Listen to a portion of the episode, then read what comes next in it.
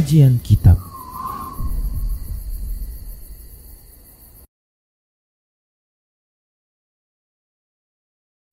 Assalamualaikum warahmatullahi wabarakatuh. Innal hamdalillah nahmaduhu wa nasta'inuhu wa nastaghfiruh. Wa na'udzu billahi min shururi anfusina wa sayyiati a'malina. May yahdihillahu fahuwal muhtad wa man yudlil falan tajida lahu waliyyan mursyida أشهد أن لا إله إلا الله وحده لا شريك له وأشهد أن محمدا عبده ورسوله الذي لا نبي بعده. وقال الله سبحانه وتعالى يا أيها الذين آمنوا اتقوا الله حق تقاته ولا تموتن إلا وأنتم مسلمون. يا أيها الذين آمنوا اتقوا الله وقولوا قولا سديدا. يصلح لكم أعمالكم ويغفر لكم ذنوبكم. ومن يطع الله ورسوله فقد فاز فوزا عظيما. يا أيها الناس اتقوا ربكم الذي خلقكم من نفس واحدة وخلق منها زوجها وبث منهما رجالا كثيرا ونساء واتقوا الله الذي تساءلون به والأرحام. إن الله كان عليكم رقيبا. أما بعد إن أصدق الحديث كتاب الله وخير الهدي هدي محمد صلى الله عليه وسلم. Wa syarrul umur muhdatsatuha wa kullu muhdatsatin bid'ah wa kullu bid'atin dhalalah wa kullu dhalalatin finnar. Para ikhwah jamaah Ikhwah rahimani Allah wa iyyakum. Alhamdulillah kembali kita bertemu dalam kajian kitab yaitu kitab Silsilah Al-Manahi Syar'iyyah di mana kita sudah masuk pada kitabul hajj wal umroh, kitab haji dan umroh. Kita bahas bab berikutnya yaitu babun nahi anis safaril mar'ati illa ma'a mahramin au zaujin. Bab dilarangnya seorang wanita bersafar kecuali dia pergi bersama mahramnya atau bersama suaminya. Bab ini membicarakan hukum seorang wanita pergi safar haji. Pergi berhaji, pergi haji di mana hajinya tersebut dalam jarak safar. Apakah dia dibolehkan untuk pergi haji sementara dia pergi tidak dengan mahramnya. Sementara dia tidak pergi dengan mahramnya. An Abi Sa'id al-Khudri radhiyallahu an qala dia berkata qala Rasulullah sallallahu alaihi wasallam. Rasulullah sallallahu alaihi wasallam bersabda la yahillu limra'atin tu'minu billahi wal yaumil akhir antusafira safaran yakunu thalathata ayyamin fasa'idan illa wa ma'ahu abuhu abuha au ibnuha au zawjuha au akhuha au dhu mahramin minha. Rasulullah sallallahu alaihi wasallam bersabda tidak halal. Kalau tidak halal berarti haram. Tidak halal bagi kaum wanita, bagi seorang wanita yang beriman terhadap Allah dan hari akhirat. Dia bersafar selama tiga hari, selama tiga hari dan lebih atau lebih, kecuali bersamanya, kecuali dia pergi bersama ayahnya atau anak laki-lakinya atau suaminya atau saudaranya atau bersama mahramnya. Di hadis ini Rasulullah Shallallahu alaihi wasallam mengkaitkan safar dengan perjalanan tiga hari atau lebih. Mengkaitkan safar perjalanan tiga hari atau lebih. Beliau katakan tidak halal seorang wanita bersafar tanpa mahram dengan safar perjalanan tiga hari atau lebih. Hadis diriwayatkan oleh Imam Muslim. Ana Abdullah bin Amr bin As radhiyallahu anhu. Dari Amr bin A dari Abdullah bin Amr bin As radhiyallahu anhu An Rasulillah sallallahu alaihi wasallam qol dari Rasulullah sallallahu alaihi wasallam beliau bersabda, "La tusafiril mar'atu yaumaini illa ma'a zaujiha au dhi mahramin." Janganlah seorang wanita itu bersafar dengan jarak tempuh dua hari kecuali dia bersama suaminya atau bersama mahramnya. Di hadis ini Rasulullah Sallallahu Alaihi Wasallam menyebutkan dua hari. Dari Abi Sa'id Al Khudri tadi menyebutkan berapa? Tiga hari. Hadis ini diriwayatkan oleh Ibnu Khuzaimah. An Abi Hurairah radhiyallahu anhu qala dari Abi Hurairah radhiyallahu anhu dia berkata Qala Rasulullah sallallahu alaihi wasallam. Rasulullah sallallahu alaihi wasallam bersabda La yahillu limra'atin muslimatin. Tidak halal bagi seorang wanita muslimah. Tusafiru masirata lailatan Bersafar dengan jarak tempuh satu hari Illa wa ma'aha rajulun Dhu mahramatin alaiha kecuali kalau dia perginya bersama laki-laki dari mahramnya. Hadis ini diriwayatkan oleh Muslim. Jadi hadis yang ketiga ini hanya berapa hari? Satu. Ya, satu. Wa wa anhu eldo masih dari Abu Hurairah radhiyallahu anhu qala dia berkata, qala Rasulullah sallallahu alaihi wasallam. Rasulullah sallallahu alaihi wasallam bersabda, la yahillu limra'atin tu'minu billahi wal yawmil akhir an tusafira masiratan yaumun wa lailah laisa ma'aha mahramah tidak halal bagi seorang wanita yang beriman terhadap Allah hari akhirat bersafar dengan perjalanan satu hari satu malam sementara tidak ada bersamanya mahram. Hadis diriwayatkan oleh Imam Bukhari dan Muslim. Wa anhu eldo masih dari Abi Hurairah radhiyallahu anhu qala dia berkata, qala Rasulullah sallallahu alaihi wasallam, Rasulullah sallallahu alaihi wasallam bersabda, la tusafirul mar'atu baridan illa wa ma'aha dhu mahramin. Tidak boleh seorang wanita itu bersafar sejauh satu barid. Satu barid itu 12 mil. Illa wa ma'aha dhu mahramin kecuali bersamanya ada mahramnya. Jadi ikhwah ada berapa hadis? Lima ya. Satu, dua, tiga, empat, lima. Di mana ikhwah hadis Abu Said menyatakan tidak halal, tidak boleh dia safar kalau perjalanannya selama tiga hari tiga malam. Kalau dari Abdullah bin Amr bin As yaitu dua hari dua malam. Kalau dari Abu Hurairah satu hari satu malam. Dalam riwayat yang lain satu, satu malam. Ya, kalau yang tadi yang ketiga satu hari satu malam. Kalau yang keempat satu hari satu malam.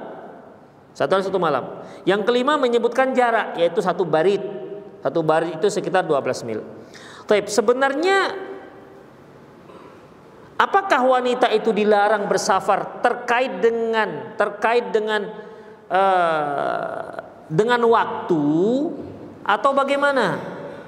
Karena kan di sini dari mulai satu hari, satu, dari satu malam, satu hari satu malam, dua hari, tiga hari, demikian. Terakhir yaitu dengan dengan jarak. Kita lihat ikhwah rahimallah wa iyyakum. Min fikhil bab, di antara fikih bab. La yahillu limra'atin tu'minu billahi wal yawmil akhir an tusafira mutlaqas safar illa ma'a zawjiha. Tidak halal bagi seorang wanita yang beriman terhadap Allah dan hari akhirat untuk bersafar mutlak safar mutlak kecuali bersama bersama sau bersama zaujuha ila ma'a ma'a zaujiha bersama suaminya. Artinya di sini safar-safar yang terkait dengan satu hari, satu hari satu malam, dua hari, tiga, tiga malam ataupun uh, satu barit 12 mil ini semua kaitan-kaitan ini ini adalah kaitan-kaitan yang tidak muktabar Pengkaitannya kalau seperti ini, tidak boleh seorang wanita bersafar sejauh tiga hari tiga malam. Berarti kalau dua hari dua malam kan boleh, kan gitu artinya, ya. Tidak boleh seorang wanita bersafar kalau jarak safarnya satu hari atau satu malam. Berarti kalau setengah malam boleh kan gitu. Atau satu hari satu malam 24 jam. Berarti kalau yang yang 12 jam boleh dong begitu. Ya, seperti kalau kita naik pesawat dari Medan ke Saudi Arabia, berapa jam? Hanya 7 jam. Ya. Ke mana nih yang ke 12 jam? Ke Amerika. Ya. Ke Amerika 12 jam. Berarti masih 12 masih 12 jam. Berarti kalau dia naik pesawat dari dari Medan balik lagi ke Medan kalau kalau apa namanya? Kalau terus terbang hanya 24 jam? Atau oke lah dua hari. Itu udah lama kali mungkin pakai mogok-mogok lah di jalan kali. Ya pakai macet-macet kalau seperti itu ikhwah ya berarti tidak ada satu tempat pun di muka bumi ini yang dikatakan safar.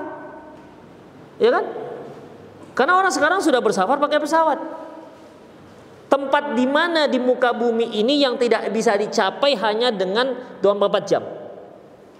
Nggak ada kalau dia terbang terus dari Medan balik lagi ke Medan itu paling 24 jam atau oke okay lah satu hari satu apa namanya 24 tambah 12 jam berapa? 36 jam. Nggak sampai dua hari dua malam. Ya, apalagi kalau kita ambil tiga hari tiga malam tiga hari, berarti tidak ada satu titik pun di muka bumi ini tempat yang dikatakan musafir, tempat yang dikatakan safar. Berarti semuanya halal bagi kaum wanita karena tidak ada tempat yang tidak bisa dicapai kurang dari tiga hari tiga malam. Ini menandakan ikhwah rahimnallah wa iyyakum pengkaitan tiga hari tiga malam dua hari dua malam satu hari satu malam satu malam atau dua belas mil ini menunjukkan bahwasanya tidak dihalalkan bagi wanita bersafar mutlak Selama dia sudah dikatakan musafir, maka dia tidak boleh pergi ke sana kecuali dia bersama mahramnya. Itu yang dimaksud ikhwah. Ya. Jadi tidak terkait dengan masalah masalah hari-hari atau eh, apa namanya jumlah hari. Audi mahromin atau bersama mahramnya seperti ka'abin au akhin au ibnin au rajulin min maharimiha mahramatan abadiyatan atau bersama mahramnya dia kecuali kalau dia pergi bersama suaminya atau bersama mahramnya seperti ayahnya, saudaranya, anaknya, laki-lakinya atau laki-laki yang mahramnya itu mahram abadiyah. Mahram abadiyah ini mahram selamanya. Tidak boleh menikah selamanya. Ikhwah, tidak semua kerabat kita itu tidak boleh menikah selamanya. Ada yang mahramnya itu muakkatan. Muakkatan itu apanya? Kata orang bilang temporary gitulah kira-kira. Ada waktu terbatas. Ada di saat-saat tertentu dia boleh menikah. Seperti kita menikah dengan adik istri kita yang perempuan. Boleh nggak menikah dengan dia? Nggak boleh. Apakah adik ipar kita itu mahram kita? Hah? Apakah mahram kita? Kan kita nggak boleh menikahi adik istri kita yang perempuan karena ipar kita. Taib. Mahram nggak boleh dinikahi. Taib. Apakah berarti mahram kita dia? Jawabannya enggak. Rasulullah katakan alhamul maut. Ipar itu kematian. Terus kenapa nggak boleh? Karena nggak bolehnya nggak selamanya. Kalau kalau cerai dengan kakaknya, boleh ganti adik adiknya. Apakah meninggal apa cerai meninggal, pisah cerai atau pisah hidup? Ya. Pisah pisah meninggal atau pisah hidup? Yang penting kalau salah satu daripadanya mereka itu tidak lagi bersatu sebagai istri, boleh silah nikah. Atau menikah dengan adiknya. Istri kita ini punya kakak, boleh nggak kita nikahi dia? Nggak boleh. Apakah maram kita? Nggak boleh nggak mahram. Kenapa? Karena tidak boleh menikahnya bukan selamanya. Kalau sudah pisah dengan adiknya, silahkan melamar kakaknya, boleh. Beda halnya dengan mertua, ya mertua perempuan kita, ya. Mengapa? Jadi mahram kita, ibu istri kita. Mengapa jadi mahram kita? Hah? Ya karena nikah dengan anaknya lah. Kok repot kali sih jawabannya? Karena sudah sah anaknya menjadi istri kita. Maka emaknya menjadi mahram kita. Taib, ketika pisah dengan anaknya, entahkah cerai, entahkah meninggal, boleh kita melamar ibu mertua kita? Gak boleh, karena selamanya. Makanya ikhwah, tidak ada namanya mantan mertua. Walaupun sudah pisah dengan anaknya, oke anaknya bisa pisah. Gak jadi mahram kita. Ketika dia sudah pisah, uh, lewat masa iddah, dia sudah menjadi si orang lain, tapi emaknya tetap mahram kita. Itu namanya mahram abadiyah, mahram selamanya. Yang selamanya itu, ikhwah, nggak boleh dinikahi selamanya. Itu yang dikatakan mahram. Ya, itu yang dikatakan mahram. Walidzalika qad dhahaba ahlul ilmi anna adada fil ahadits laisal maqsudan. Oleh karena itu para ulama berpendapat bahwasanya jumlah yang ada, jumlah yang ada dalam hadis yang kita sebutkan tadi tiga hari, dua hari, satu hari, satu hari, satu malam, satu hari, satu hari, satu malam dan seterusnya, jumlah yang disebutkan dalam hadis tersebut bukan itu maksudnya, ya, bukan itu maksudnya. Artinya itu itu adalah kejadian yang terjadi. Misalnya ada sahabat yang safarnya tiga hari tiga malam, Rasul katakan tidak halal bagi seorang wanita yang safar tiga hari tiga malam. Bukan berarti tiga hari tiga malam nggak boleh, dua hari dua malam boleh, nggak begitu. Wa man wa mimman dhahaba ila dzalika Ibnu Khuzaimah fi sahihihi wa Ibnu Hibban alladhi tarajjama fi sahihi di riwayat min hadis Abu Hurairah radhiyallahu anhu ja'at mutlaqan. Yang berpendapat demikian maksudnya tidak ada hubungan safar tersebut dengan jumlah-jumlah hari yang disebutkan dalam hadis. Ini pendapat Ibnu uh, Ibnu Khuzaimah, Ibnu Hibban dan beliau menyebutkan hadis Abu Hurairah jaat mutlak disebutkan mutlak tanpa ada kaitan dengan jumlah-jumlah hari. Ya, jadi gimana? La yahillu imlimra'atin antusafira illa ma'adhi mahraman titik.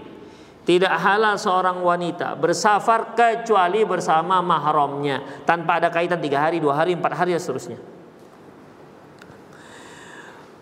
Faqala beliau berkata, maksudnya Ibnu Ibnu Hibban mengatakan berkomentar, dzikrul bayan bi annal mar'ah mamnu'ah mamnu'atun an tusafira safaran qallat muddatuha am kathurat illa ma'adhi mahramin minha.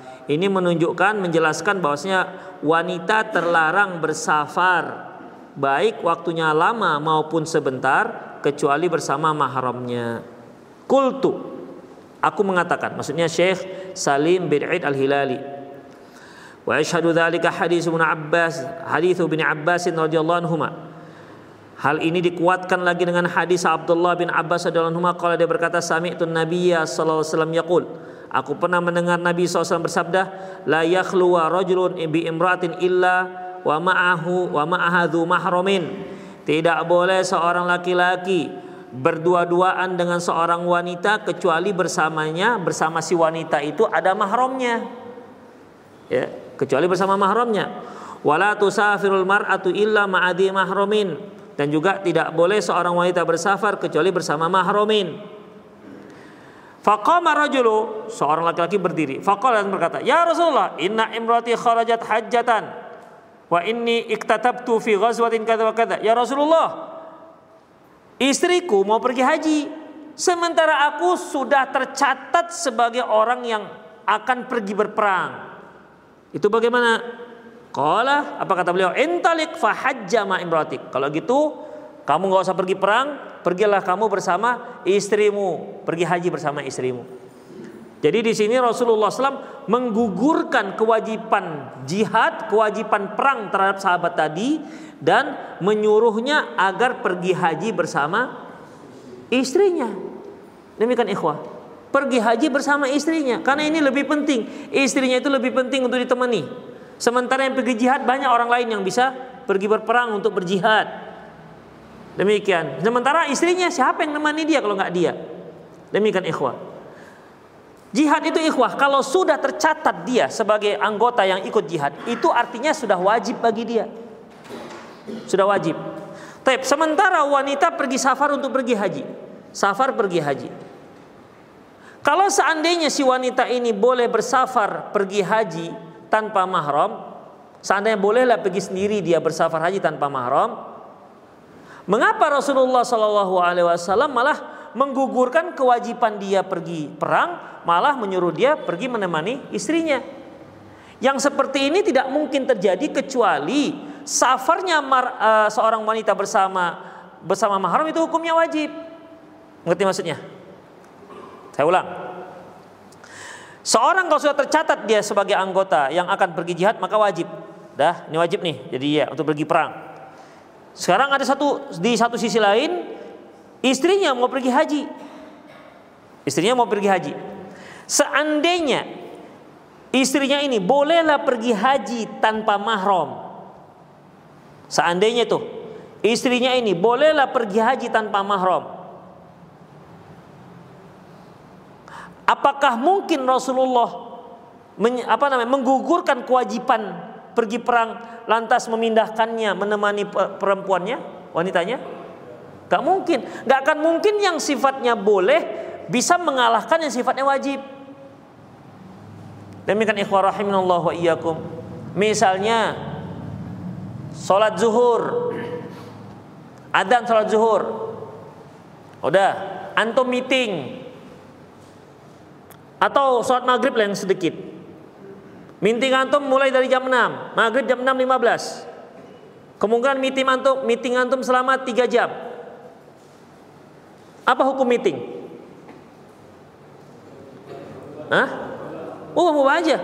Sholat maghrib wajib. Bisa sholat maghrib ditiadakan. Udah, kita nggak usah sholat maghrib karena kita meeting. Bisa? Ya nggak bisa. Maghrib itu wajib nggak bisa dikalahkan dengan yang sifatnya mubah.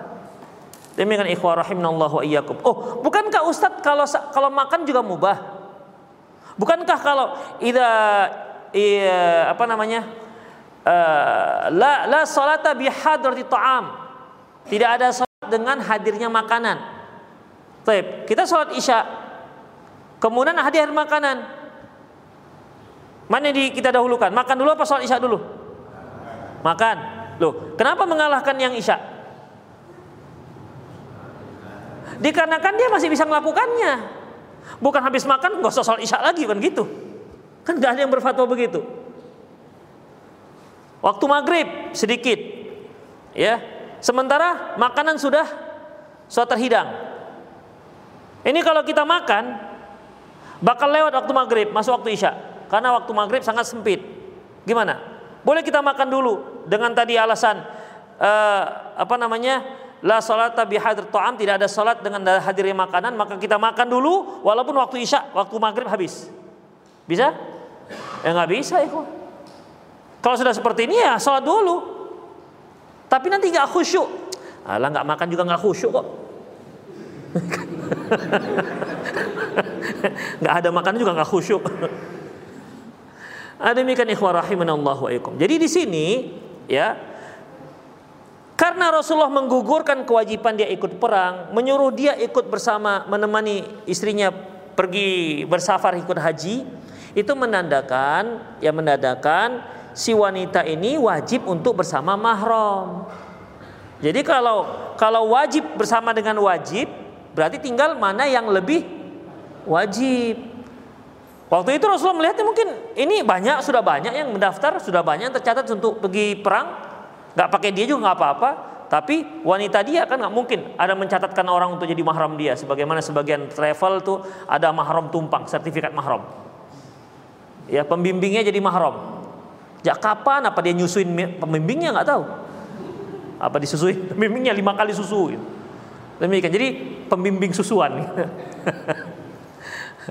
Demikian ikhwah rahimanallah wa. Itulah dia. Ya. Selanjutnya.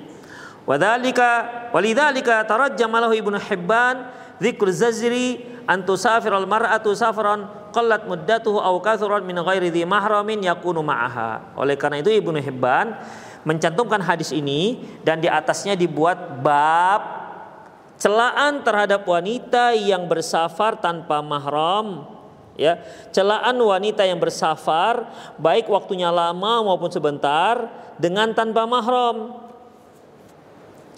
Wa qala al-Hafiz fil Fathul Bari. Berkata Hafiz dalam Fathul Bari, wa qad amila aktsaru ulama fi hadzal bab bil mutlaqil ikhtilafil muqayyadat. Kata Hafiz Ibnu Hajar dalam kitab Fathul Bari bahwasanya mayoritas para ulama mengamalkan hadis ini dengan tanpa mempedulikan kaitan-kaitan waktu tadi itu. Mutlak mau tiga hari, mau dua hari, mau satu hari. Kalau dia sudah dikatakan safar, maka tidak dibolehkan.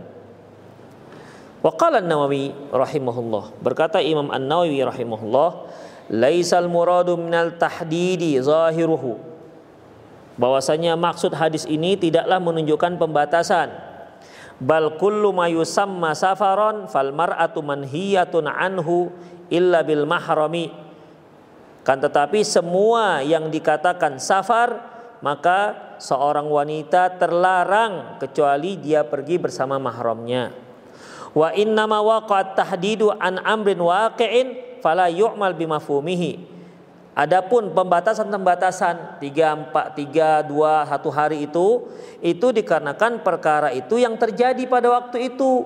Makanya tidak bisa dijadikan sebagai mafhum. Mafhum ini artinya Waktu itu uh, ada seorang yang bersafar tiga hari. Ditanyalah oleh Rasulullah kepada Rasulullah. Makanya Rasulullah katakan tiga hari nggak boleh seorang wanita bersafar selama tiga hari kecuali bersama mahram. Waktu itu terkait dengan kondisinya yang bersafar dengan tiga hari. Ada juga kondisinya yang bersafar selama dua hari. Makanya Rasulullah SAW menyebutkan waktu yang terjadi pada waktu itu peristiwa true story yang terjadi dengan seorang wanita yang bersafar dua hari dua hari dua malam itu Rasulullah berfatwa langsung dengan jumlah hari itu. Bukan berarti jumlah hari itu bisa dijadikan mafhum. Dijadikan mafhum mukhalafah maksudnya dua hari boleh dua hari nggak boleh tapi kalau kurang dari dua hari maka boleh. Itu nggak seperti itu. Ngerti maksudnya ikhwah ya? Seperti begini Allah Subhanahu wa taala firman, "Ya ayyuhalladzina amanu la ta'kulu riba adha'afam mudha'afah." Wahai orang yang beriman, janganlah kalian makan riba dengan berlipat ganda. Boleh lipat ganda ini kita jadikan mafhum mukhalafah dengan artian berarti kalau makan riba berlipat ganda nggak boleh, kalau nggak berlipat ganda boleh. Bisa begitu? Nah, nggak bisa. Loh, kenapa Quran menyebutkan lipat gandanya? Karena umumnya praktek riba pada zaman itu ribanya berlipat ganda. Makanya tidak bisa jadikan mafhum. Kalau bahasa usul fikihnya kharaja makhrajal ghalib, umumnya ya, umumnya seperti itu. Padahal ada dalil yang lain yang menyebutkan mutlak. Wa ahallallahu al-bai'a wa harrama riba Allah haramkan, Allah halalkan jual beli dan Allah haramkan riba. Sudah jelas. Adapun kaitan-kaitan dengan yang lain-lain itu itu hanya penyebutan dikarenakan kaitan hadis itu terkait dengan kejadian pada waktu itu. Ngerti ya maksudnya? Bisa difahami? Bisa, alhamdulillah. Baik, selanjutnya. Qala al-Baghawi fi syarhi sunnah Berkata Imam Al-Baghawi dalam kitab Syarh Sunnah, "Hadzal hadis yadullu ala anna al-mar'ata la yalzamuha al-hajj idza lam tajid rajulan dha mahramin yakhruju ma'aha." Kata Imam Al-Baghawi hadis ini menunjukkan bahwasanya seorang wanita tidak boleh pergi haji jika dia tidak mendapatkan seorang laki-laki yang mahram, menjadi mahramnya yang ikut bersamanya. Wa huwa qaulun Nakhai wal Hasan al-Basri wa bi qala Thawri wa Ahmad wa Ishaq wa ashabu ra'i. Ini pendapat Imam Nakhai, Hasan Al Basri, Imam Thawri, Imam Ahmad, Imam Ishaq bin Rahwi yaitu gurunya Imam Ahmad dan Ashabur Ra'yi. Maksudnya mazhab Imam mazhab Hanafi. Wa dhahaba qaumun sebagian lagi mengatakan annau yulzimuha khuruj ma'al jama'ati minan nisa. Bahwasanya dia harus tetap pergi jika dia pergi bersama jamaah kaum wanita. Artinya kalau dia tetap dia sudah wajib haji sementara di sana ada jamaah kaum wanita yang bisa menemani dia bersama rombongan maka dia tetap wajib haji walaupun dia tidak memiliki tidak bersama mahram. Ini pendapat Imam Malik, pendapat Imam Syafi'i Wal awal aula li zahir hadis. Tentunya pendapat yang pertama artinya tidak boleh itu lebih lebih kuat berdasarkan zahirnya hadis. Begini ikhwah. Jadi Imam Malik dan Imam Syafi'i beliau mereka berdua membolehkan safar tanpa mahram, wanita safar tanpa mahram kalau safarnya safar wajib. Safar wajib ini safar haji. Safar haji yang pertama, haji kedua kan nggak wajib lagi. Safar haji yang pertama. Jika memang dia bersama kaum wanita yang aman dan amanah, perjalanan aman, tidak dikhawatirkan terjadi apa-apa, maka wanita tersebut tetap wajib pergi haji walaupun tanpa mahram. Ini pendapat Imam Malik dan Imam Syafi'i. Ya. Karena perjalanan satu aman, yang kedua bersama kaum jamaah kaum wanita yang lainnya. Jadi ini yang disebut dengan safar wajib. Hanya di sinilah yang terdapat khilafiahnya di safar wajib. Adapun safar-safar yang lainnya seperti untuk umroh atau haji kedua, ketiga, keempat, ya maka ini karena dia bukan safar wajib, maka tetap harus bersama mahram. Demikian ikhwan rahimanallah wa iyyakum. Namun zohirnya yang kuat ya pendapat yang pertama tetap tidak dibolehkan loh. Terus gimana jadi hajinya? Kalau seorang wanita dia punya dana, punya biaya untuk pergi haji, misalnya sekarang ini dia mampu untuk uh, membayar haji furoda misalnya sekitar 350 juta seharga rumah itu. Rumah RS eh, RS di Semincirim lah. Setiap Budi nggak dapat. Demikian. Dalam masalah ini ikhwah, dia mampu. Kemudian, tapi dia nggak punya mahram. Itu dia. Dia mampu tapi dia nggak punya mahram. Pendapat yang pertama mengatakan ter, berarti dia tidak boleh pergi haji dan dia termasuk orang yang nggak sanggup. Kenapa? Salah satu syarat perginya tidak ada mahramnya, maka dia dianggap kategori tidak sanggup. Jadi gimana? Ya carilah mahramnya. Demikian. Gak ada lagi mahramnya. Suaminya meninggal, ayahnya sudah semaput, kemudian saudara-saudaranya sudah dah sudah kena tsunami misalnya, udah nggak ada lagi, tinggal dia sebatang kara, nggak ada lagi. Yang lain nggak ada, tinggal dia sendiri. Itu terus gimana? Berarti dia dianggap tidak mampu.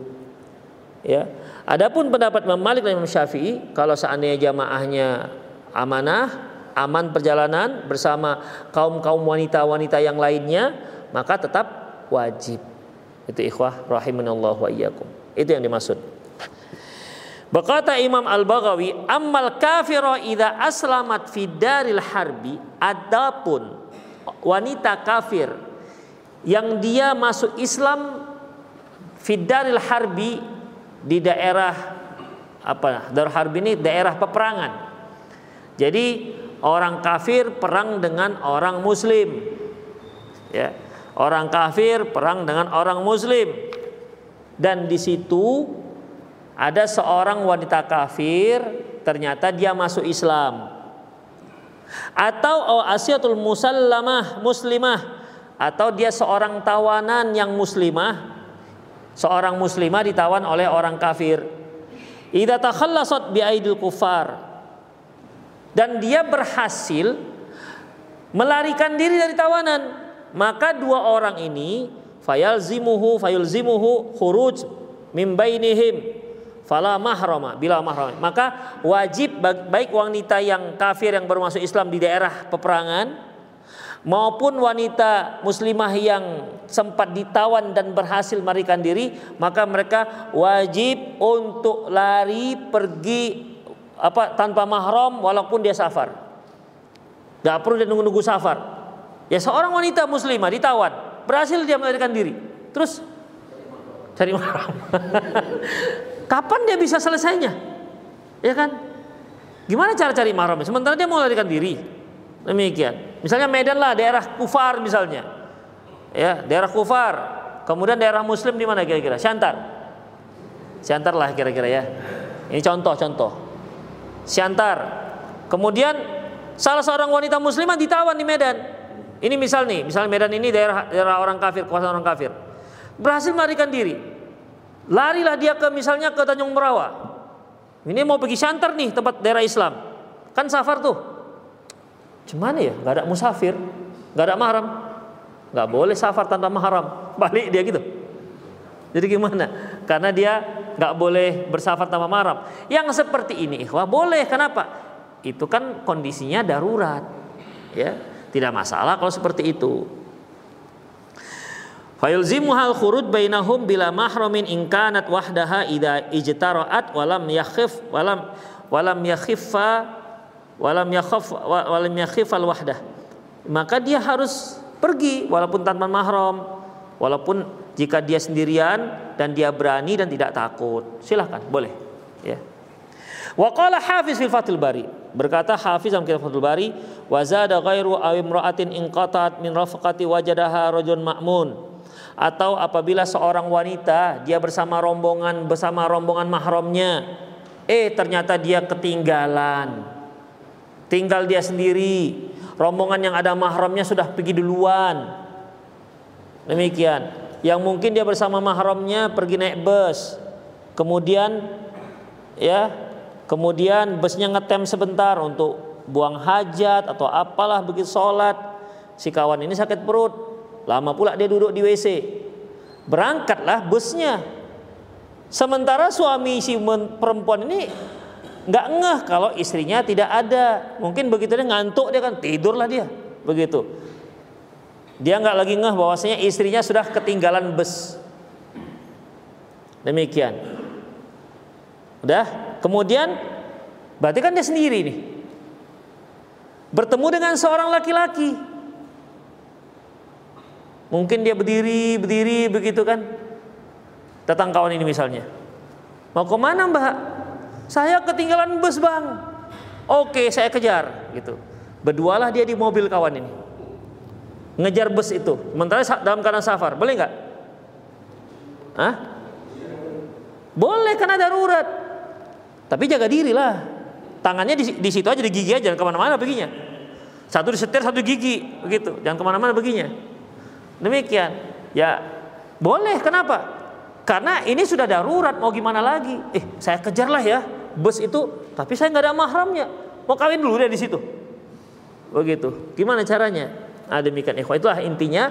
Kalau dia ketinggalan dalam rombongan, di rombongan itu ada mahramnya, bertemu dengan seorang laki-laki yang makmun, yang terpercaya, fa innahu yajuzu ayus ayus ayus hibaha hatta yablugha arifqah.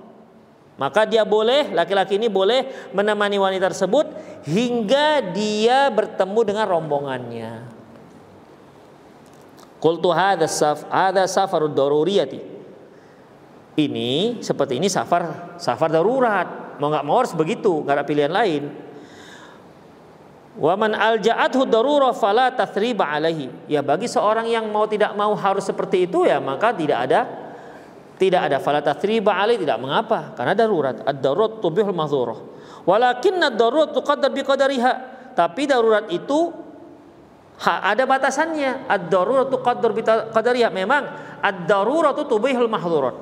Darurat itu bisa membolehkan apa yang terlarang. Ya tadi kan sebenarnya nggak boleh dia mau naik mobil kawan ini, karena di situ berarti berdua. Kemudian dalam jalan safar nggak ada nggak ada mahramnya. Tapi karena untuk mengejar e, rombongan tadi itu maka ad-daruratu tubil mahdurat. Karena darurat itu bisa membolehkan apa yang terlarang. Tapi ad-daruratu tuqaddar biqadariha. Darurat itu dengan ada batasannya. Misalnya rupanya tadinya naik naik bus ekonomi rupanya. Iya kan? Di bus ekonomi tahulah kan ada ayam, ada bebek ikut di situ. Kawan ini rupanya naik Alphard. Udah mbak yuk bisa kejar. Dapatlah bus ekonomi yang sama bebek-bebek dan ayam-ayam itu. Bang, saya ikut aja bang aja sampai Pekanbaru bang ya. Tanggung, nggak bisa lagi. Karena kalau sudah dapat rombongan, dia harus kembali bersama bebek-bebek dan ayam-ayam tadi itu. Dan mahramnya. Demikian nggak bisa, bang. Tanggung bang, dikit lagi lah sampai baru, Jadi kita nyegatnya di baru aja bang gitu. Ya nggak bisa seperti itu ikhwah. Ya, rahimanallahu wa iyyakum. Karena darurat itu tuqaddar bi qadariyah ada batasannya. Yang keempat, istadalla man abaha safar mar'ah biduni zaujiha aw dhi mahramiha bi umurin la budda min tanbihi 'alaiha li alla yaghtarul 'ama biha. Bagi yang mengatakan bolehnya wanita bersafar tanpa suaminya atau tanpa mahramnya dengan beberapa perkara dengan beberapa dalil yang di sini akan kita jelaskan agar tidak tertipu dengan cara pendalilan tersebut.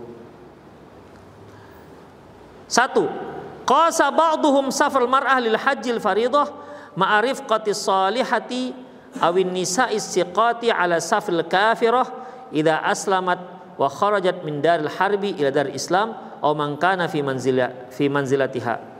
Sebagian ulama membolehkan bersafarnya wanita untuk pergi haji dengan safar haji yang wajib tanpa tanpa mahram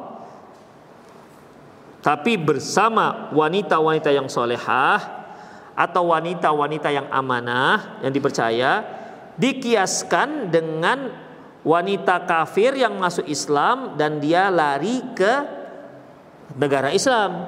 Jadi sebagian ulama ada yang mengatakan bahwasanya bolehnya wanita pergi haji tanpa mahram asalkan dia bersama kaum wanita yang amanah yang bisa menjaga dia ya di, bolehnya itu sama seperti seorang wanita kafir yang baru masuk Islam dan kepingin pergi ke Darul Islam. Jadi dia wanita kafir berada di daerah negara kafir yang berkecambuk, yang perang dengan kaum muslimin dan dia pergi ke negara Islam ya, negara Islam karena dia sudah masuk Islam tanpa mahram. Itu dibolehkan. Jadi dikiaskan haji seperti yang tadi itu dengan wanita pergi haji pergi safar tanpa mahram, wanita yang masuk Islam tanpa mahram. Maka ikhwah au man kana fi manziliha atau yang semisalnya. Wa ajaba ahlul ilmi bi anna hadha safar darurah. Dijawablah bahwasanya safarnya wanita masuk Islam pergi ke negara Islam itu safar darurat. Fala yuqasu alaihi safarul ikhtiyar tidak bisa dikiaskan dengan safar ikhtiar. Safar ikhtiar ini safar yang kita bisa pilih pergi atau tidak. Ya. Safar yang kita bisa memilih pergi apa tidak. Di ikhtiar. Tapi kita mau pergi haji. Kan kita punya pilihan mau pergi atau tidak. Ya. Kita pergi umroh, kita punya pilihan pergi atau tidak. Tapi kalau wanita wanita yang kafir masuk Islam tadi punya pilihan dia, pergi atau enggak? Enggak, dia nggak punya pilihan kecuali harus pergi. Kalau nggak dibunuh dia di situ. Ya. Kalau dia tetap di situ dan ketahuan oleh masyarakatnya dia akan dibunuh. Makanya dia harus larikan melarikan diri ke negara Islam. Jadi nggak sama beda, nggak nggak beda ya, eh, nggak sama. Yang satu safar darurat, yang satu safar ikhtiar. Wali annal kafir idza aslamat tadfa'u daruran mutayaqinan bitahammuli darura mutawahiman wala kadzalika lil hajj. Seorang wanita yang kafir kalau dia masuk Islam maka banyak jelas akan ditimpa banyak mudorot kalau dia tetap berada di, di negara kafirnya. Ya. Beda halnya dengan haji. Demikian ikhwah. Itu dasar dalil yang pertama berarti tertolak. Dasar seperti ini, alasan seperti ini tertolak ya, tidak bisa dijadikan sebagai hujah. Yang kedua, qalu inna Umar bin Khattab adina li azwajin Nabi Islam fi akhir haji hajjatan hajjaha Faba'atha ma'ahuna Utsman bin Affan wa Abdurrahman. Dalil yang kedua yang dijadikan dasar bolehnya wanita uh, wanita pergi safar tanpa mahram yaitu dari Umar bin Khattab di mana beliau mengizinkan istri-istri Nabi SAW di akhir haji yang dia lakukan, yang dilaksanakan dan dia utus bersama mereka Utsman bin Affan dan Abdurrahman. Dia mengutus Utsman bin Affan dan Abdurrahman. Jadi di sini pendalilannya itu Umar bin Khattab mengizinkan istri-istri Nabi pergi haji. Ya, pergi haji tanpa mahram. Demikian ikhwah. Umar mengizinkan istri-istri Rasulullah untuk pergi haji. Udah dan diutus bersamanya yaitu Utsman bin Affan dan Abdurrahman bin Auf. Dari sini diambil kesimpulan bahwasanya ah, itu istri-istri Rasulullah pergi tanpa tanpa mahram. Boleh ternyata demikian. Al jawab min wajihain. Jawabnya dari dua sisi. Yang pertama, anna fi'l Umar mauqufun alaihi wa la tu'aridul marfu. Sungguhnya perbuatan Umar bin Khattab itu mauquf alaihi itu hukumnya kan ijtihad dia. Ijtihadnya Umar bin Khattab tidak bisa disa, tidak bisa menggugurkan hadis Rasulullah Sallallahu Alaihi Wasallam. Hadis Rasulullah jelas-jelas mengatakan tidak boleh. Umar bin Khattab mengatakan mengizinkan. Ya nggak bisa dong. Ya ucapan sahabat menggugurkan ucapan Nabi Sallallahu Alaihi Wasallam. Mauqufun alaihi wala yu'arul marfu. Jawaban yang kedua, anak ummahatul mu'minin muharramat alal mu'minin. Jawaban yang kedua bahwasanya Istri-istri Rasulullah itu adalah ibu-ibu orang-orang mukmin. Dan ibu-ibu orang mukmin itu mahramnya bagi orang-orang mukmin. Ya, makanya kan orang-orang mukmin tidak boleh menikah dengan istri-istri Rasulullah Shallallahu alaihi wasallam. Jadi, kalaupun para istri itu pergi dengan Utsman, ya udah, kan mereka itu kan ummahatul mukminin, ibu-ibu orang mukmin. Semua istri Rasulullah SAW ummahatul mukminin, ibu-ibu orang mukmin. Karena dia sudah di, di, di, di, di, di apa di, ditabalkan menjadi ibu-ibu orang mukmin, maka tidak ada sem, tidak ada satu pria mukmin pun yang boleh menikah dengan istri Rasulullah SAW karena dia sudah menjadi ibunya. Berarti mahramnya. Jadi Utsman bin Affan mahram mereka. Abdurrahman bin Auf mahram mereka. Gitulah ikhwah, lebih kurang. Taib sepertinya ini juga kurang kurang tajam gitu. Ya, kurang tajam. Karena kalau seandainya orang-orang mukmin yang lain itu mahramnya para ummahat mukminin, berarti kalau nanya nggak apa-apa lah nggak pakai jilbab gitu kan. Kan gitu kan? Nanya boleh dong nggak pakai jilbab. Kenapa? Kan mahram. Padahal Rasulullah katakan wa idza sa'altumuhunna fa idza sa'altumuhunna fas'aluhunna fa idza sa'altumuhunna fas'aluhunna min wara'i hijab. Apabila kalian bertanya kepada mereka, maksudnya bertanya pada istri-istri Nabi, maka tanyalah dia dari balik tabir. Ya kalau mahram nggak balik tabir. Jadi ini juga kurang kurang tepat. Allahu alam bisawab ikhwah.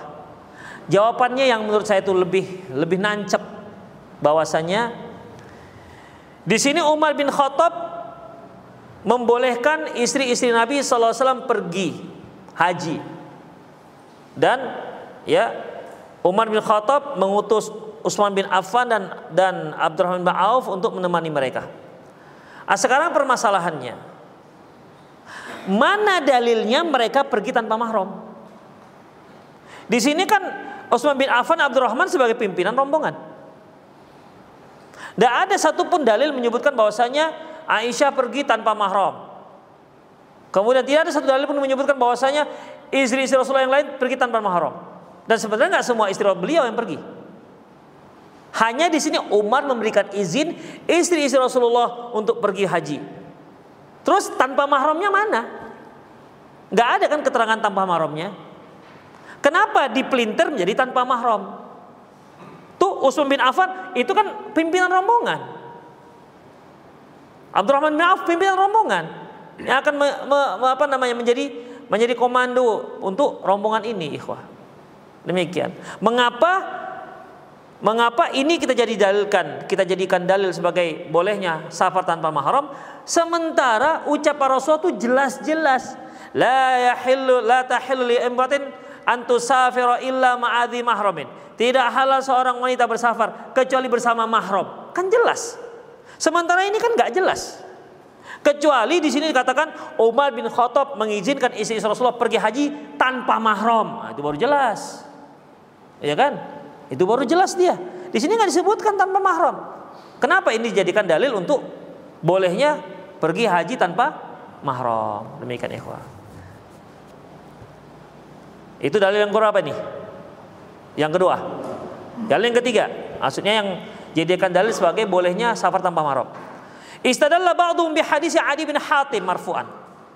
Sebagian mereka berdalilkan dengan hadis Hadi Adi bin Hatim marfu' Rasulullah mengatakan fa in talat bika hayatun turiya tarayinna azza azzainati tartahilu minal hirati hatta tatufa bil Ka'bah la takhafu illallah. Dia mengatakan Rasulullah berkata kepada Adi bin Hatim, "Ya Adi, ya Adi, kalau usiamu panjang, kamu akan lihat langsung bahwasanya seorang wanita akan bersafar dari Herat. Herat itu daerah Irak. Ya, dekat Kufah. Dari daerah Hira dia akan pergi bersafar ke Ka'bah hingga dia bertawaf dia hingga dia tawaf Ka'bah ya dan dia tidak takut dengan apa pun kecuali kepada Allah.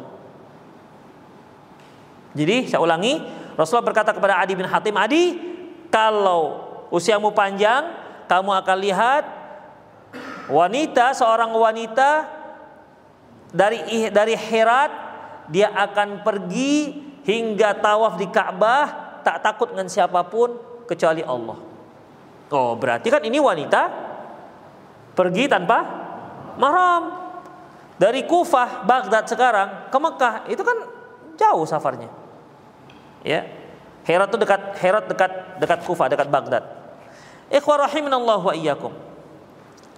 Namun perlu kita ketahui dari sisi bahasa dulu. Di sini katakan la za'inah. Kamu akan lihat za'inah. Za'inah ini ikhwah seorang wanita yang mengendarai unta yang ada sekedupnya. Sekedup itu kan kalau antum ada unta kan ada yang pakai pelana. Ada yang pelana itu macam ada ada atapnya, ada dindingnya ditutup kain. Ah, pernah li, dengar lihat? Tengok nanti di di di, di Google ya, sekedup atau hudaj dalam bahasa Arab, hudaj. Jadi ada pelana itu khusus untuk perempuan. Ya, untuk perempuan biasa perempuan yang tingkat sosialitanya tinggi, apakah dia ada tuan putri, ya. Maka pelana untanya itu bukan sekedar ada tempat duduk tapi sekaligus macam dibuat ruangan, tertutup semua. Di atasnya ada ada atapnya, begitu ikhwah. Namanya hudaj namanya. Udah? Ini yang dikatakan za'inah. Kalau kita lihat za'inah, Mungkinkah seorang wanita yang berjalan pakai sekedup dia jalan sendiri tanpa ada yang membimbing untanya? Gak mungkin. Kalau dia tanpa sekedup bisa, iya memang mungkin bisa, karena dia menggekang, dia pegang tali unta. Ini dia nggak di dalam, di kamarnya, di kamarnya di atas unta itu. Demikian. Jadi tali kekangnya nggak sampai ke dia. Jadi dia santai aja di, di, di di sekedup itu. Makanya kalau sudah ada zoinah itu nggak mungkin dia safar sendiri. Minimal harus ada orang yang men, me, me, apa namanya memegang tali kekang untanya untuk dibawa ke mana begitu. Jadi dia tinggal duduk santai di atas sekedupnya dalam sekedupnya. Demikian. Jadi ini kan berarti menandakan nggak mungkin sendiri juga, ya. Fa'ajaba ahlul ilmi Ya, fa'ajaba ahlul ilmi. Sebagian uh, para ulama menjawab bi anna hadza yadullu ala wujudi dzalika la ala jawaz. Ini Rasulullah menunjukkan bahwasanya ya nanti akan terjadi seperti itu. Bukan berarti hukumnya boleh. Rasulullah hanya menceritakan nanti kalau usiamu panjang kamu akan lihat wanita akan pergi dari Herat ke Mekah itu dia tanpa takut dengan, apa pun, nggak takut perampok, nggak takut apa pun. Demikian ikhwah. Ya. Di sini Rasulullah menyebutkan begitulah tingkat keamanan pada waktu itu, bukan menunjukkan bolehnya. Ya. Rasulullah hanya menceritakan tingkat keamanan. Di situ tidak terkait dengan boleh dan tidaknya, seperti ikhwah. Ketika Rasulullah Sallallahu Alaihi Wasallam mengatakan bahwasanya di antara tanda-tanda hari kiamat para pengembala itu yatatawaluna fil bunyan. Para pengembala nanti di hari mendekati kiamat mereka berlomba-lomba untuk meninggikan bangunan. Apa hukum membuat bangunan bertingkat-tingkat? Hah? Seperti satu di Dubai, Buruj. Ini Jeddah ini mau buat tandingan lagi lebih tinggi daripada Al Buruj. Hukum membuat bangunan tingkat-tingkat gitu apa? Hukum asalnya? Hah? Boleh silakan. Kalau antum punya duit silakan mau tingkat-tingkat. tapi jangan dibuat kosong gitu aja lah, mubazir dia. Demikian boleh silakan. Jadi bukan berarti kalau sudah tanda-tanda hari kiamat berarti nggak boleh bangun tingkat-tingkat, nggak begitu, ikhwah. Rasulullah menyebutkan tanda-tanda hari kiamat nanti para pengembala-pengembala itu nanti sudah jadi kaya raya. Dia akan bangun berlomba-lomba untuk membangun tingkat-tingkat yang tertinggi. Itu tanda-tanda tidak menunjukkan boleh dan tidaknya membangun rumah bertingkat-tingkat. Nah, itu ikhwah. Nah, sama seperti ini. Ini menunjukkan keamanan, bukan menandakan bolehnya wanita itu pergi tanpa mahram. Gak ada hubungannya. Ya, gak ada hubungannya. Demikian ikhwah rahimani Allah wa iyyakum. Sama seperti ketika Rasulullah mengatakan bahwasanya uh, beliau mengatakan bahwasanya nanti di akhir zaman ya qabidul ilm. Ilmu akan diangkat. Kemudian uh, kemudian wa yadhharul jahal wal fitan. Kejahilan fitnah merebak. Wa yukthirul haraj dan banyak terjadi haraj. Para sahabat bertanya, "Ya Rasulullah, apa itu haraj?" Al haraj al qatl. Haraj itu adalah qatl, pembunuhan. Tuh, Rasulullah katakan nanti di akhir zaman akan terjadi haraj yaitu pembunuhan. Terus artinya boleh membunuh waktu itu? Kan enggak. Itu enggak ada hubungan. Rasulullah menceritakan nanti di akhir zaman akan muncul banyak pembunuhan, bukan menunjukkan hukum boleh dan tidaknya membunuh. Mengenai hukum boleh dan tidaknya membunuh, ada dalil yang lain yang enggak membolehkan. Demikian. Demikian juga ini wanita ini yang bersafar dari Herat ke Ka'bah, saking amannya mereka bisa safar. Begitu, walaupun tanpa mahram. Safar sendiri misalnya. Oke lah kita anggap sendiri. Ini menunjukkan Sangkin amannya. Bukan menunjukkan boleh dan tidaknya. Ada demikian. Rasulullah menceritakan kondisi pada waktu itu. Ikhwan paham kira-kira? Saya mengkhawatirkan.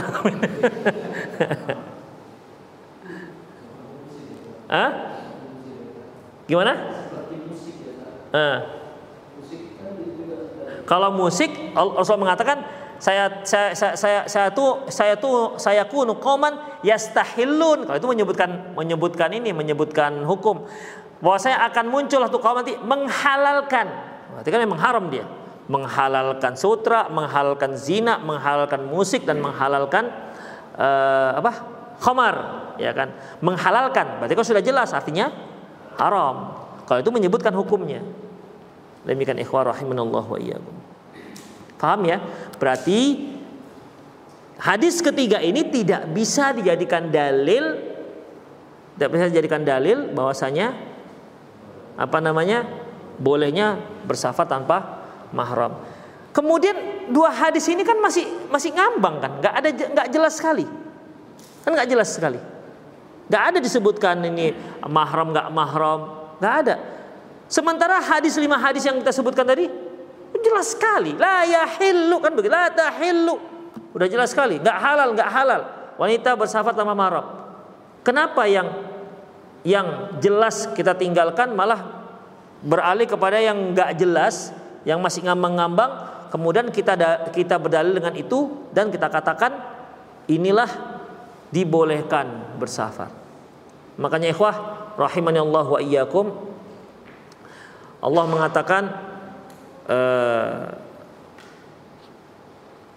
adapun orang-orang yang diberi ilmu mereka berdalilkan dengan yang muhkamat berdalilkan dengan yang muhkamat yang jelas wa ammal ladina fi qulubihim zayghun adapun yang dalam hatinya ada zayghun ada kekeliruan fayattabi'una ma tasyabaha minhu mereka mengikuti apa-apa yang samar ini kan masih samar tiga-tiga. Kenapa dengan dua hadis ini, kisah dua kisah ini samar dia masih samar nggak jelas, kita tinggalkan yang sudah sangat jelas. Tayyib. Wa qala Syaukani fil autar wal aula wa hamluhu ala ma qala jami'an jam'an bainahu wa bain ahadis bab. Berkata Imam Syaukani bahwasanya sesungguhnya makna hadis tersebut makna hadis tersebut yaitu harus dibawakan harus diartikan dengan makna nggak dibolehkan ya tidak dibolehkan untuk menggabung hadis-hadis tersebut. Jadi safar nggak boleh, adapun hadis-hadis tadi itu tidak jelas, ya tidak jelas. Jadi jelas wanita nggak boleh safar dengan tanpa mahram. Gimana dengan hadis uh, Umar bin Khattab yang membolehkan? Berarti kita kita kita kita artikan bahwasanya hadis uh, istri-istri Rasulullah itu pergi dengan dengan mahram. Begitulah harusnya orang jelas ini mahram jelas. Ya kan? Demikian juga uh, apa namanya? wanita yang pergi dari dari Herod ke ke ke, ke Ka'bah itu Rasulullah nggak menunjukkan haram dan halal tapi menceritakan tentang tentang kejadiannya itu ada seperti itu. Qal Hafiz fil Fatih wa dhabitu wa dhabitul mahram inda ulama man harrama alai nikahuha man harrama alai nikahuha ala ta'bidi bisawi mubah li, hurmatiha fa kharaja bit ta'bidi ukhtu zawja wa ammatuh. Uh, berkata Imam uh, Hafiz As-Saukani bahwasanya yang dikatakan mahram oleh para ulama yaitu yang haram nikah selamanya dikarenakan satu sebab yang boleh seperti pengharaman uh, yang dikarenakan selamanya seperti uh, saudari seperti adapun yang yang pengharamannya tidak tidak selamanya yang haramnya tidak selamanya seperti uh, saudari istri ini yang kita sebutkan tadi dia haram dinikahi tapi tak selamanya ya kalau seandainya seorang suami sudah lepas dengan istrinya maka dia boleh nikahi adiknya harus selamanya. Maka tidak maka uh, tidak termasuk mahram uh, adik saudari istri wa amma wa ammatiha wa amma wa ammatuha atau uh, apa namanya bibinya. Seorang laki-laki nggak boleh menikah dengan seorang istri, kemudian digabungnya istri kedua dengan bibinya nggak boleh. Sebagaimana nggak boleh menggabung antara dua saudari nggak boleh. Tapi kalau satu sudah lepas, boleh dia menikah dengan yang berikutnya. Wabil mubahi umul mautu'a bi, e, bi syubhati wa bintuha dan juga antara ibu ya ibu dengan anaknya. Ini kalau ini ikhwah kalau dia e, apa namanya kalau dia hamba sahaya. Ya, hamba sahaya. Misalnya dia punya hamba sahaya perempuan, hamba sahayanya ini melahirkan anak perempuan, maka nggak boleh dia pakai dua-dua.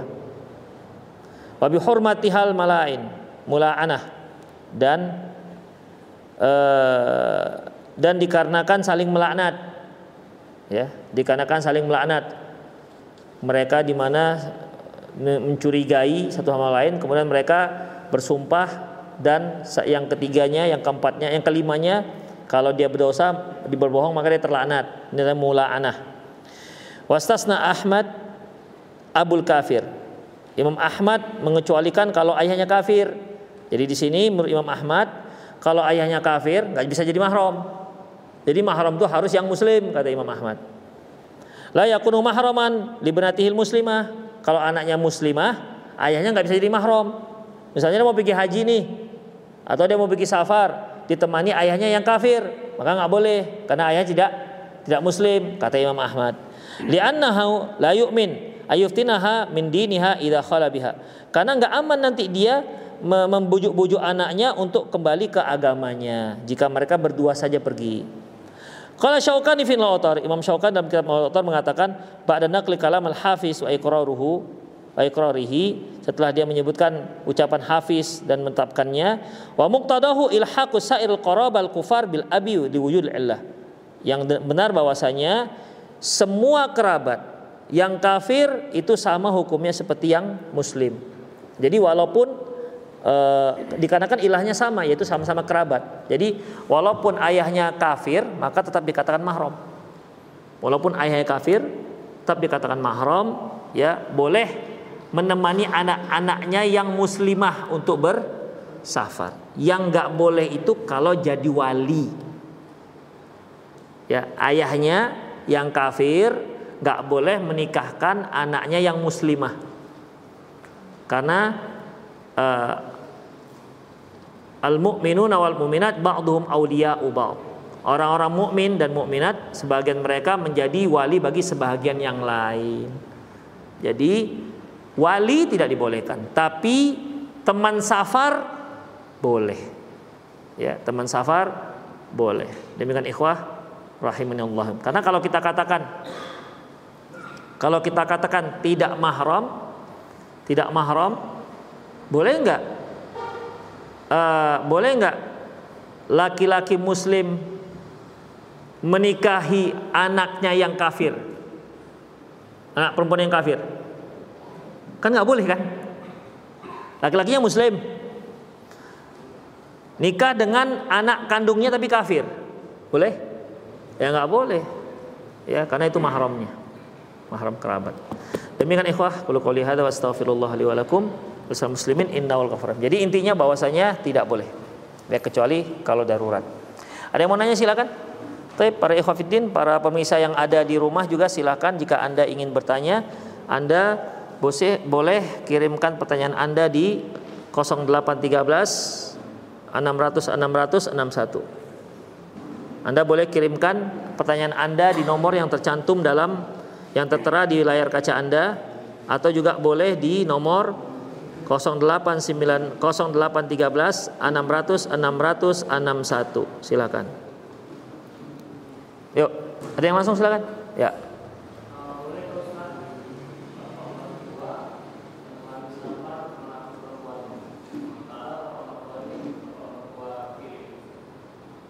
Bapak mertua tiri. Apakah boleh si ibu punya anak kandung laki-laki menikah dengan perempuan jadi sebenarnya ini adalah menantu perempuan si ibu. Ya kan? Si ibu menikah lagi laki-laki yang lain.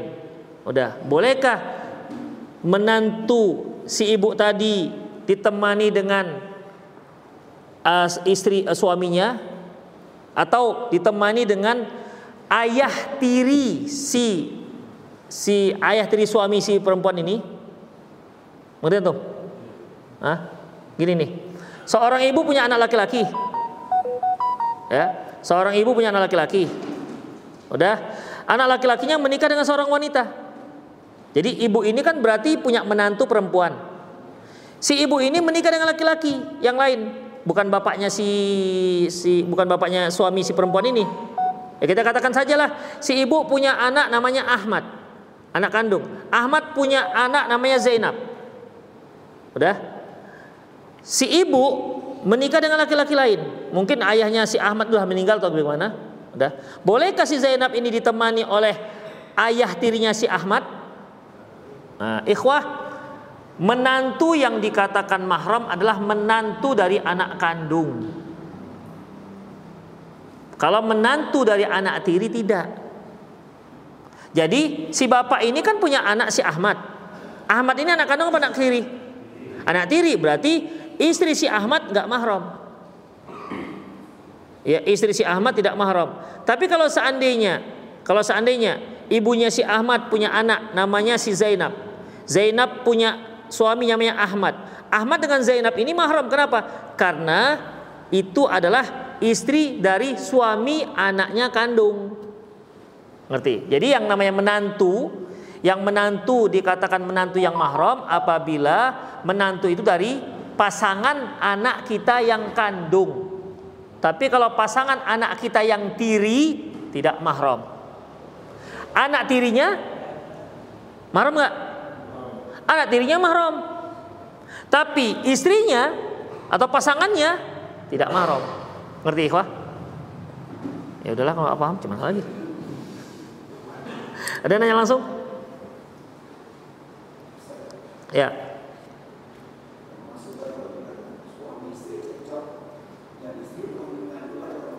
Gimana? Ya suami istri cocok. Istri ngadu pada orang tuanya.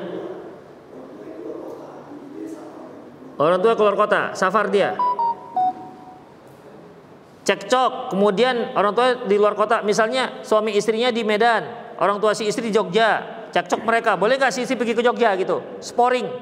Ya nggak boleh, nggak boleh.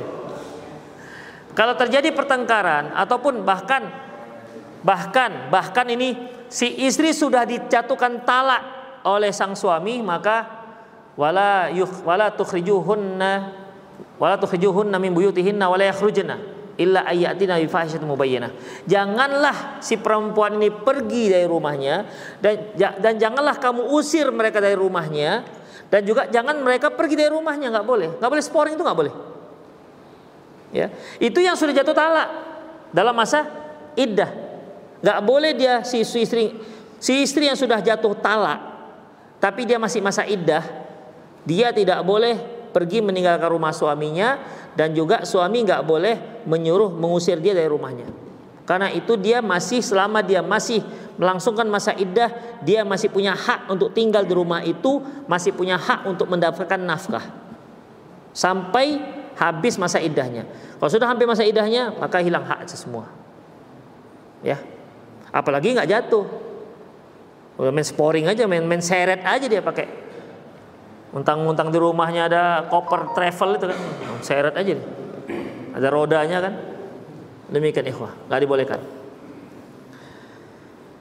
Bagaimana dengan yang menjadi TKW di luar negeri padahal dia sudah menikah, apakah boleh atau tidak? Ya, kalau dia TKW berarti suaminya antar ke sana.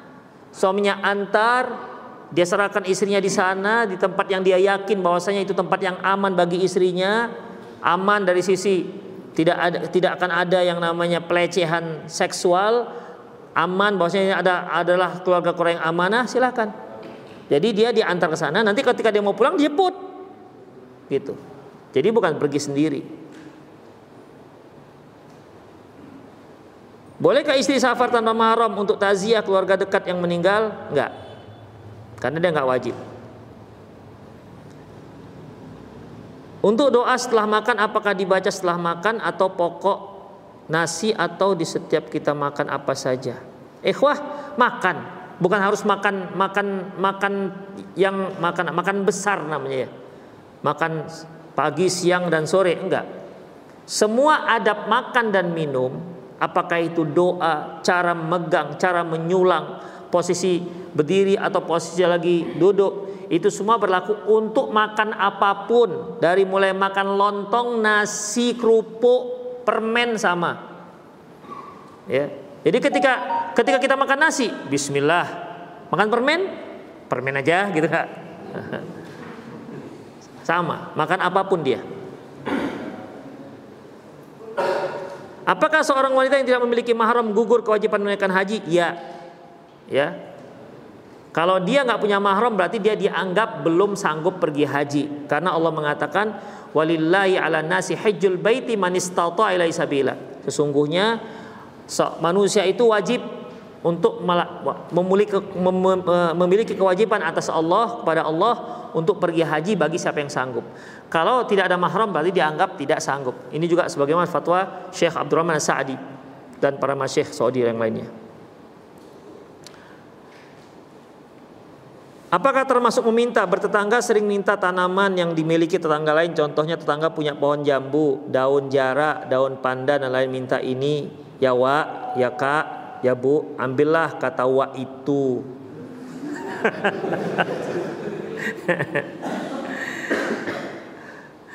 Ikhwah rahimanallah wa iyyakum. Ya. Pada dasarnya ikhwah pada dasarnya kita nggak boleh meminta untuk sesuatu yang nggak kita yang yang kita tidak memerlukannya. Ya. Untuk sesuatu yang kita tidak memerlukannya. Tapi ketika kita memerlukannya dan hanya ada di uak itu, di halaman uak itu, kita boleh karena kita butuh. Misalnya eh, mau mau pohon jarak, daun pohon jarak, mungkin tuh anaknya yang masuk angin ya. Ya, di mana mau dia tarik daun jarak sekarang? Demikian. Tapi uak itu punya banyak. Jadi semak pun. Udah. Boleh nggak? Ya kan kita butuh. Kemarin kan kita bahas bahwasanya kalau dia butuh silahkan. Tapi kalau dia untuk apa? Untuk nyimpan daun jarak. Sengaja ditumpuk ya daun jarak. Untuk apa ente numpuk daun jarak? Demikian. Enggak ada gunanya. Ya, tapi kalau untuk ada gunanya silahkan. Ya, silahkan. Hanya kalau antum mau nanam sendiri, ambil batangnya ditancapkan untuk enam tahun jarak sendiri supaya ada buat apotek hidup itu akan lebih lebih baik. Ya lama-lama kalau minta Pak minta daunnya wa ambillah situ kata wa itu sekali dua kali seminggu kita ambil ambil terus bukan nggak habis daunnya. Mana daun pohon jarak aku ini katanya. Tapi wa yang ngasih gitu. ya tentunya dia akan keberatan. Allahu alam. Kita sedang berpuasa sunnah dan kita sedang dijemput kerabat yang berjualan di tempat kerabat yang berjualan. Lalu bilang lalu bilang ke dia, barang siapa yang memberi makan berbuka puasa, maka dia akan mendapat pahala puasa orang tersebut. Pertanyaannya apa ini? Kita sedang puasa sunnah dan kita sedang di tempat kerabat yang berjualan. Lalu bilang dia barang siapa memberi makan berbuka puasa maka dia akan mendapatkan pahala puasa orang tersebut. Ya boleh silakan. Silakan. Tapi dia yang bilang ya, bukan kita yang bilang. dia bilang atau jangan request, bang bang, bilangkan gitu. Saya sedang puasa ini, begitu. Ya itu kan modus namanya ikhwah. dia sedang puasa nih, pergi dia ke restoran Padang. Pas sore-sore dikatakan azan lah. Rasulullah SAW bersabda. Wow gitu. Manfaat tarasaib barang siapa memberikan bukan puasa maka dia mendapatkan pahala orang tersebut. Dia dia itu minta sudah jelas itu minta ikhwan. Pakai dalil cuman mintanya. Demikian, nggak boleh. Kakek menikahi janda memiliki anak satu perempuan. Apakah bibi tersebut mahram kita? Kakek menikahi janda memiliki anak satu perempuan. Apakah bibi tersebut mahram kita. Kok tiba-tiba bibi sih? Mungkin anak itu kan bibi ya. Baik. Ini jandanya bibinya, dandanya yang bibi atau anaknya yang bibi ini? Baik, kalau jandanya itu bibi, kalau janda itu dikatakan bibi, ya mahram kita. Nenek tiri namanya. Ya, nenek tiri. Tapi kalau masuk bibinya ini anak anak janda itu, anak janda itu nggak mahram. Ya. Bagi si kakek mahram, anak tiri namanya. Ada yang langsung? Bis?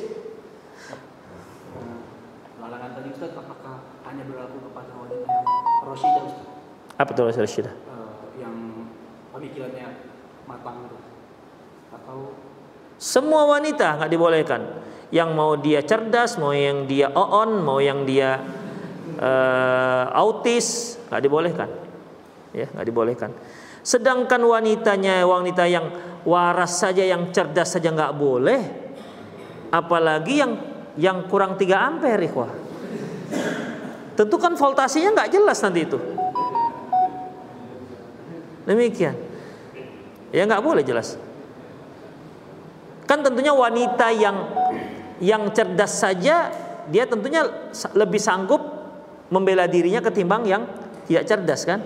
Itu aja nggak boleh. Bagaimana penjelasan orang tua agar sewaktu menikah tidak memakai musik karena orang tua maksa dengan diharuskan musik? Gimana cara menjelaskannya? Allahu alam ini nggak semua orang tua punya level pendidikan yang yang yang sama. Ada orang tua itu, nak kamu nikah pakai musik ya?